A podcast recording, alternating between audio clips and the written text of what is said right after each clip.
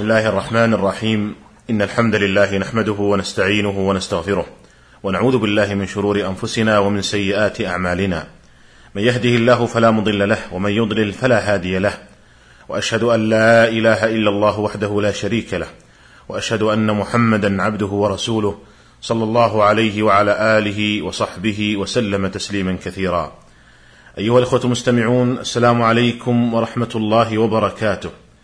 لا يزال الحديث موصولا عن أحكام الصيام. وأتحدث معكم في هذه الحلقة عن مفطرات الصيام. وقد ذكر الله عز وجل أصولها في قوله سبحانه فالآن باشرهن وابتغوا ما كتب الله لكم وكلوا واشربوا حتى يتبين لكم الخيط الأبيض من الخيط الأسود من الفجر ثم أتموا الصيام إلى الليل. فأباح الله تعالى أباح الأكل والشرب والجماع في ليل رمضان. حتى يتبين الصبح حتى يتبين لكم الخيط الأبيض من الخيط الأسود من الفجر.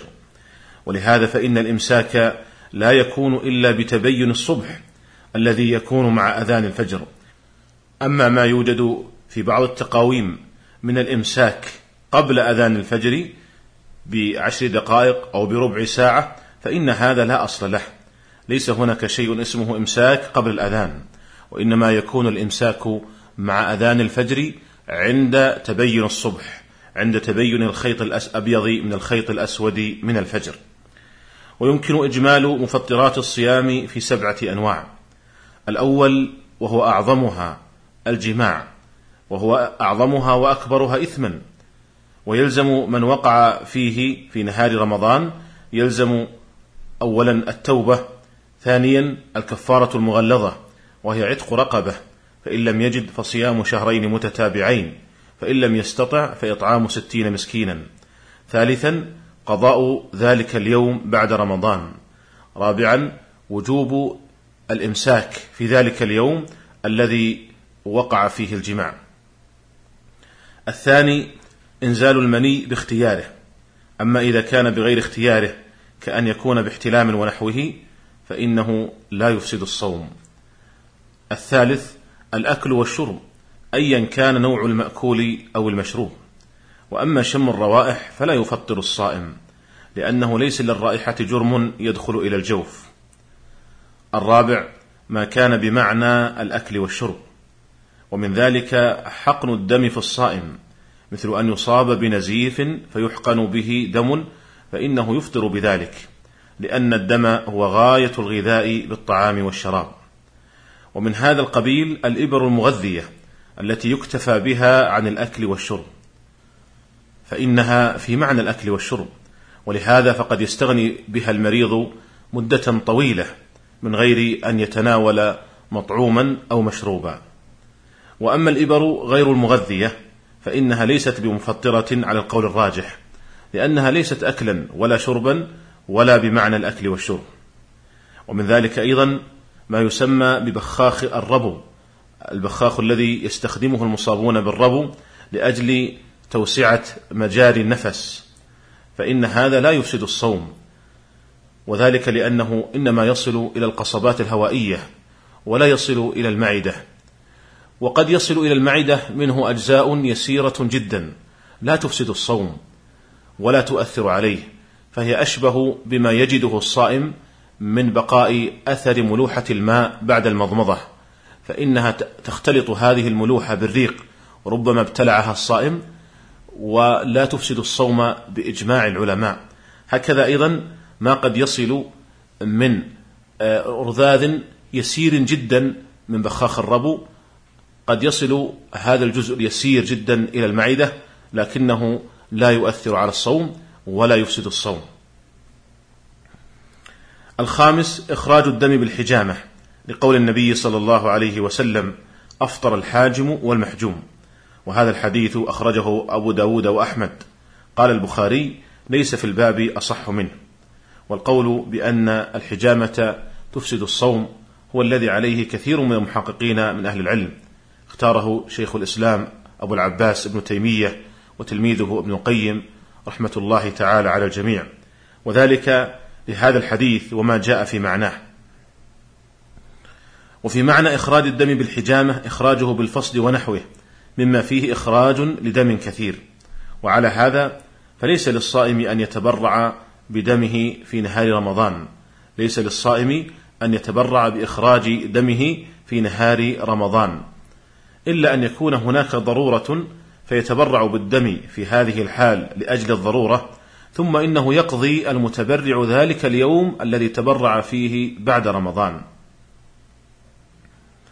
وأما خروج الدم اليسير برعاف ونحوه فإنه لا يحصل به التفطير ولا يؤثر على صحة الصوم.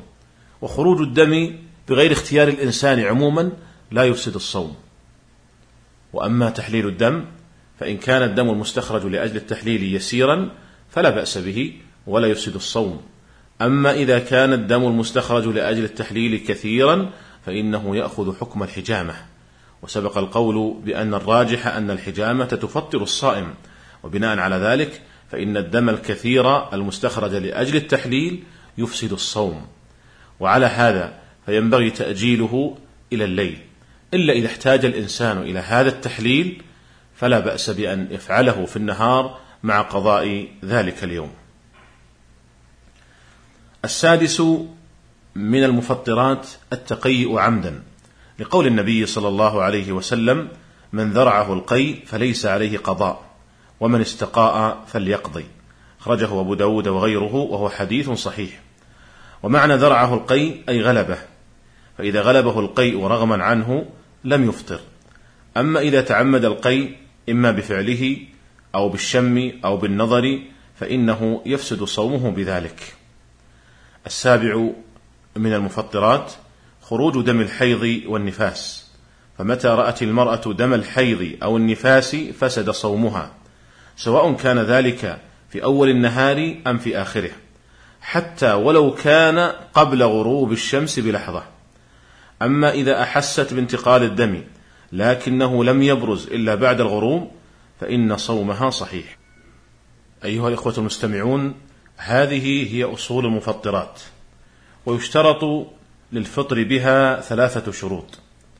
الأول العلم فإن كان جاهلا بالحكم الشرعي مثل أن يظن أن هذا الشيء غير مفطر فيفعله أو كان جاهلا بالحال أي الوقت مثل أن يظن أن الفجر لم يطلع فيأكل ويشرب وقد طلع الفجر في حقيقة الأمر فإن صومه صحيح.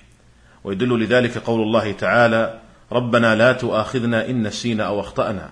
وجاء في صحيح مسلم أن الله عز وجل قال قد فعلت. الثاني أن يكون ذاكرا فإن كان ناسيا فصيامه صحيح. لما جاء في الصحيحين عن أبي هريرة رضي الله عنه أن النبي صلى الله عليه وسلم قال من نسي وهو صائم فأكل أو شرب فليتم صومه فإنما أطعمه الله وسقاه. الثالث أن يكون مختارا فإن كان مكرها فصيامه صحيح لقول الله تعالى: من كفر بالله من بعد إيمانه إلا من أكره وقلبه مطمئن بالإيمان. فإذا رفع الله حكم الكفر عمن أكره فمن دونه من باب أولى. ولقول النبي صلى الله عليه وسلم: عفي لأمتي عن الخطأ والنسيان وما استكرهوا عليه وبناء على هذا لو أن المرأة أكرهت على الجماع في نهار رمضان فليس عليها شيء. صومها صحيح ولا يلزمها قضاء ولا كفارة والقضاء والكفارة على المكره لها. أيها الإخوة المستمعون هذا ما تيسر عرضه في هذه الحلقة ونلتقي بكم على خير في الحلقة القادمة إن شاء الله تعالى. والسلام عليكم ورحمة الله وبركاته.